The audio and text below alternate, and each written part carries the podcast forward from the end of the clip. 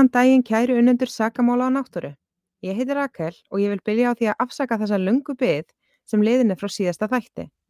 Þannig er mál með vexti að ég var í veikindalegi í allt sumar frá vinnu eftir aðgerð sem ég fekk síkingu út af og sem var frekar fúlt og óferisjánlegt. En svona er lífið bara. Ég tók því lífinu bara með rói sumar og reyndi að einbytta mér að því að ná bata. Ég fór svo að vinna með höstinu. Svo langaði mig rosalega í naglanámi byrjun árs og hóf það í apríl og er nú útskrifað naglafræðingur frá Lili Nails sem ég mæli eindreiði með. Og þeir sem vilja koma í naglöti mín þá ger ég akríl og akríl gelnaglur ásendi að gera gellökun með styrkingu á náttúrulega naglur. Ég er inn á núna appinu undir naglastofa Rakelar og svo er ég líka með Instagram-reikningin Rakel neðristreg naglur en ég set þessar upplýsingar í textan með þættinum Hver vill ekki koma í neglur og ræða sannar glæpasögur við mig í leiðinni? Og hana nú, ég held það líka. En þátturinn í dag gerist í Webergili í Júta fylki í Bandaríkanum, í grendu bæin Oakley, sem árið 2019 hýsti í kringum 1740 íbúa, sem er meira að segja minna en áltanissi góðast þar sem ég bý. Oakley er staðsett 72 km austur af Salt Lake City í Kamastalunum og er í um það byl 2000 metra hæði við sjáamól og er í raun hliðið af Uinta fjöllunum sem eru hæðstu fjöll Júta og mynduðust við gífurlegan þrýsting og samþjöppun skorpunar. Elsta bergi í fjöllunum er frá pre-Cambrian tímanbylunu eða um 600 miljón ára gamalt. Hlýðar fjallana eru skói vaksnar af furu og greni en aspir halda sig aðalega við fjallsrætunar.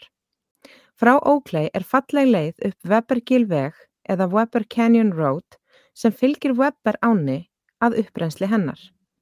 Veðurfari í Oakley er á þá leið að þar er heit og rauk sumur en kaldir og oft ofsakaldir vetur eða svo kallað rægt meginlands lofslag.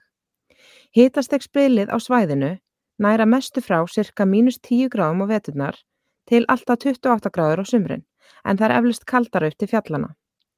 Svæðið var byggt af úti-Indjánum en í kringum 1850 fóru mormónar að kanna svæðið til möguleika á stofnun mormónabyggðar þar.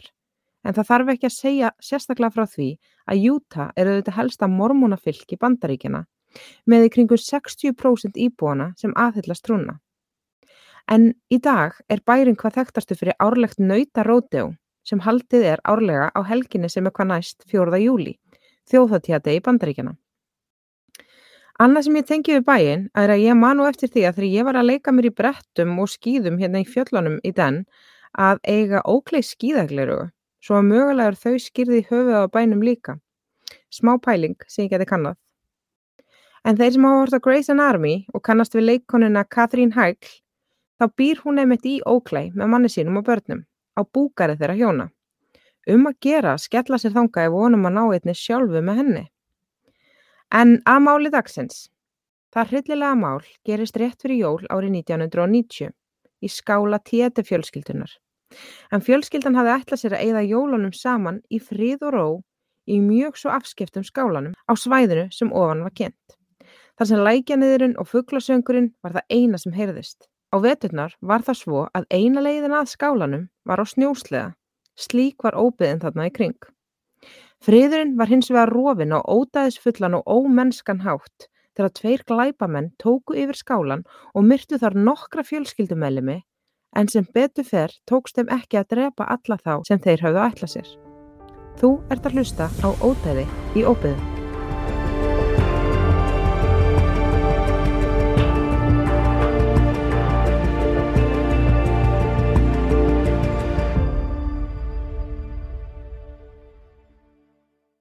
Systurnar Linney, 20 ára, og Trish Tieta, 16 ára, elskuðu að koma í fjallaskála fjölskyldunar í Webberdalnum í Utah.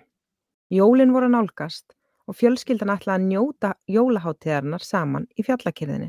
Búið var að hengja jólasokka á arinin og lítið annað að gera en að skreita og skjótast af og til í bæin til að klára það sem klára þurfti fyrir jólinn. En móðir stúlnana, Kaja, sem þá var 49 ára og sjötug amma þeirra, Beth, voru búin að sjá til þess að skálinn væri sá hátilegasti. Það var svo þann 22. desember sem stúlkurnar tvær, amman, mamman og fadir þeirra Rolf heldu í bæin til að klára jólainköpin. það var búið að vera einhver pyrringur milli yngri systurinnar Triss og móður hennar sem olli því að hópurinn skilaði sér ekki heim í einu lægi. En hinn tvítu að Linnei og móður hennar og amma komu fyrstar tilbaka um klukkan hálf fjögur síðdeis að skálanum og var von á Rolf og Triss innan tíðar. Það var skítkallt úti og þær hreinlega gátu ekki beðið eftir að koma sér inn í lífuna. Linnei kvæsti á móðu sína til að flýta sér að opna hurðina áður en fingur hennar myndur hreinlega detta af. Hún hljóp því næst inn og upp tröppurnar og sá skyndilega skugga við ískapin sem hún gerði ráð fyrir að væru ættingjar sem höfðu komið fyrr en áallar var til að fagna með þeim hátíðunum og gerði sér því líklega til að hlaupa til þeirra fagnandi og mögulega bregða þeim aðeins í leiðinni. En þetta voru sko engir ættingjar en það ekki vona þeim alveg strax. En framsteg ófríður og ógnandi maður sem miðaði á hana byssu. Linnei brá í brún en innst inni gerði hún ráð fyrir að hann væri hér til að ræna þau af verðmætum og kæmi sér svo í burtu. Móðir Linnei, hún Kaja, kom því næst upp stegan og þá komu þar auga á sittni ódæðismannin, en hann var einni með byssu sem hann meðaði á Kaja. Þegar konurnar höfðu átt að sér betur á stöðinni, sást að menninni voru greinilega búinir að vera dágóða stundin í skálanum, því þeir höfðu fengið sér að borða í eldusinu og meira að segja gerst svo ósvipnir að opna jólagjafir fjölskyldunar að einskjæri ósvipni eða í leita verðmötum. Kaja reyndi að tala mennina til, Hún sagðist gefa þeim hvað sem þeir vildu ef þeirra leta þær bara að vera. Svo fór hún að byggja. Hún bati Guðs. Menninni nendu ekki að lusta á hana og sögðu henni að það þýtti lítið að byggja því þeir triði á djöfulin. Nokkru sekundu síðar höfðu þeir skoti bæði Kaja og móður hennar Beth sem hefði komið upp stegan í höfuðið og Linnei lýsir því hvernig blóðsletturnar hafi skvest upp um alla veggi. Og svo var döða þögn. Mennirnir tóku sig upp á því að draga lík kvennana út á pall og hylja þau með teppi og að lokum snjó. Linnei hugsaði svo á meðan sér til mikilla skelvingar að von væri á föður hennar og systur hvað og hverju. Og í þann mund heyrði hún í snjóslega nálgast skálan. Hún reyndi að hugsa um leið til þess að koma í veg fyrir að restina fjölskyldu hennar yrði fyrir barðinu á þessum óþokkum en hlutinir gerðust einfallega og hratt og ekkert sem hún gætt mögulega gert í þessari stöðu sem hún var í enda hennar helsta markmið að ná að komast lifandi í gegnum þessa raun. Þegar snjóslegar Triss og Rolf staðnændustu skálan fór annar mannana íklætur skíðagrímu út úr bílskurnum og skipaði þeim inn í hús með því að beina að þeim skotvafni. Þegar inn var komið sá Rolf eldri dóttur sína tárvota í algjöru áfalli og gerði sér strax grein fyrir að eitthvað hræðilegt hefði átt sér stað. Því næst skipuðu mennirnir honum að gefa sér þann pening sem hann var með á sér og tæma vasana af mögulegum verðmætum sem hann og gerði. Því næst var byssunni miða á höfuð Rolf og kifti gikkin eins og ekkert væri sjálfsagara en byssan stóð á sér. Aftur var kifti gikkin en byssan stóð aftur á sér. En í þriði tilraun hljóp skotið af og hæfði Rolf af mjög stuttu færi. Hann var svo skotin aftur þar til hann lág óvígur. Linnei og Triss trúði ekki sínum eigin augum. Þær skildu ekkert í tilgangi drápana eða hvað myndi gerast næst. Hvað myndi koma fyrir þær? Eru þær drefna líka? Eru þeim rænt eða nöðgat? Þær heyrðu mennin að tala um að brenna skálan til kaldra kóla til þess að eigða sönnunagögnum.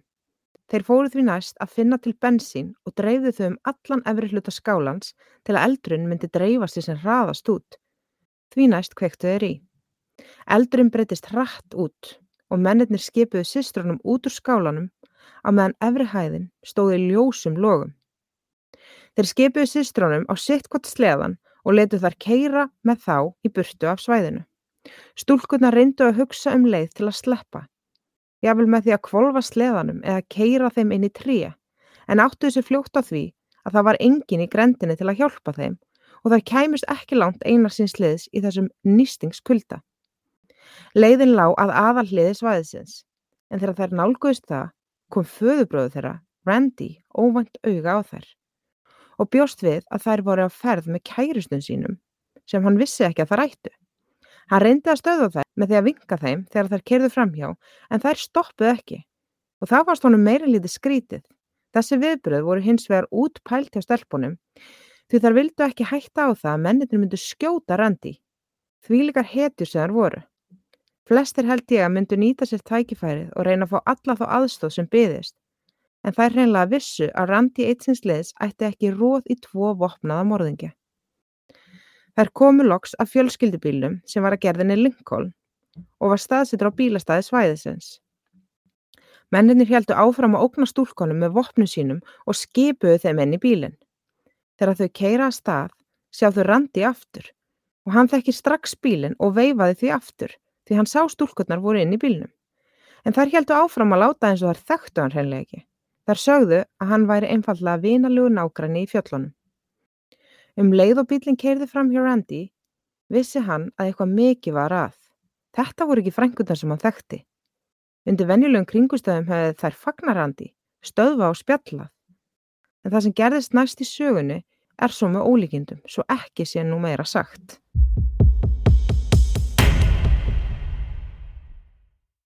Ég er útskrifað naglafræðingur og gerir naglalengingar og styrkingu á eigin neglur í vinnustúdíunum mínu á Altanesi. Í desember og janúar ætla ég að bjóða þessum bóka hjá mér í gegnum núna appið þar sem þið getur fundið mig undir naglastofa rakular 500 krónur afslátt af öllum meðferðum. Það eina sem þarf að gera er að setja orðið óbeigðir í aðtjóðasendadalkin í bókunarferlinu. Ég gerir neglur á mjög hagstaði verði fyrir, svo endilega ekki láta þetta framhjá ykkur fara.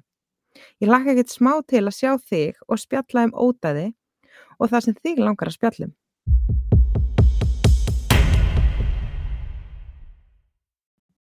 Um leið og bílstelpnana kerði fram hjá Randi, sér hann snjóslega nálgast. Hann sér mann á sleðanum og er maðurinn ekki úlpu eða með annan hlýðarfatnað, sem Randi þótti mjög undarlegt með við kuldan á svæðinu. Maðurinn færðist nær og nær og Randi átta sig fljótlega á því að maðurinn er bróður hans og fadir stúlnana, hann Rolf. Randi bregður í brún þegar hann sér ástandi á bróðu sínum sem er með bólkið höfuð, allur út ataður í blóði. Rolf tjáir Randi að hann hafi verið skotin, kona hans drepin og dætrun þeirra rænt. Randi tekur þá við sleðanum með bróður sinna baki sér og brunar niður úr gilinu til að leita hjálpar. Þau símasamband var slæmt á þessum slóðum á þessum tíma. Þetta er eins og úr einhverjir hasarmyndin úr Hollywood en það sem gerist næst er að bræðurnir á snjósleðanu lenda fyrir aftan linkombíl fjölskyldunar á leið þeirra niður úr dalnum og þá skindilega dettur inn símasamband og Randi nær að virkja síman og ringja á neyðalínuna. Hann nær sambandi í skam og stund og það litla sem hann er að segja er að hann þarf að fá aðstóð lauruglu með þyrlu en þá deyr símin hans, já hversu típist.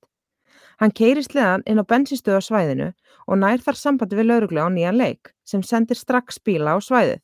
Sýsturna lýsa því svo að þær hafi fljótlega tekið eftir lauruglubílum sem voru elda þær og mennina tvo í fjölskylduböfriðinni. Menninir hafi þá byrjað að stressast upp og byrjað að auka hraðan sem fljótlega var komin í rúmlega 140 km á klukkustund og svo tóku menninir skyndilega beigju sem ollið því að bílinn valda veginum og í kjölfarið var bílinn umkringdur af lauruglu sem miðaði bissum á alla farþega bílsins, líka sýsturnar og þær urðu skiljanlega enn þá hrættari fyrir vikið og öskruðu hverjar þær væru og reyndu að fela sig og heldust í hendur. Þar lístu því að þær hafa alltaf verið nánar en á þessari stundu hafi þær tengst órjúmanlegum böndum. Lauruglan handsamaði ódæðismennina tvo sem gáfust upp á vettvangi og begðu sig með hendur fyrir aftan höfuð. Linnei rifjar upp að hún hafi öskrað á laurugluna og beði um að mennirnir eru drefnir á staðnum. Hún sagði að það maður skjóta þá. Mennirnir voru kjálfarið teknir af vettvangi. Þeir voru ekki skotnir. Það kom svo í ljós að mennirnir voru á þrítjúsaldri og höfðu báðir setið inni í fylkisfangelsinu í Utah. Annar þeirra var nagrendur sem Von Taylor, 25 ára, og hafði hann verið læstur inni fyrir innbrott. Hann hafði átt góða æsku og umhyggjusama fóreldra en hafði leiðist út í glæpi á unglingsaldri. Hinn maðurinn var svo Edward Daly, aðeins 21 árs, en hann hafði verið sakveldur fyrir íkveikju og setið inni í 5 ár. Tveir menn sem saminast með innbrott og íkveikju á sakaskráni sem leiðist svo út í sameiginlegan glæp þeirra með innbroti, íkveikju og stigmarnast svo upp í morð. Þyrlan mætir svo loks á svæðið og náði Randi að koma bróðu sinum í hendur sjúkraflutningamanna sem fluttu hann af svæðinu með þyrlunni en það var hann í verulega slæma ásökomulagi. eftir að hafa verið skotin tvísvara ódæðismennunum. Hann náði sér þó að fullu en í ljós kom að hann hafi verið skotin með fugglaskotum sem líklega varð honum til lífs. Hugsið ykkur samt hetjun á hann Rolf að ná að þykjast þar dáin til að forðast það að vera skotin aftur og vonast með því að geta komið elsku stúlkonu sínu til bjargar sem hann svo sannarlega gerði. En þetta er ekki öll sagan með það sem Rolf gekk í gegnum þennan dag. Eftir að óteðismöndinni kvektu í skálanum náði eldurinn Rolf og hann þurfti að koma sér brennandi, skotin tvísvar inn í sturtuna til að slökkva eldin og klæða sig úr brennandi snjókalanum sem er ástæðan fyrir því að hann var ekki hlýðafatnaði þegar hann kom að randi á snjósleðanum. Lögreglan fór því næst að skoða aðal glæpa vettvangin, skálan sjálfan, með vonum að finna og venda sönnunogögn.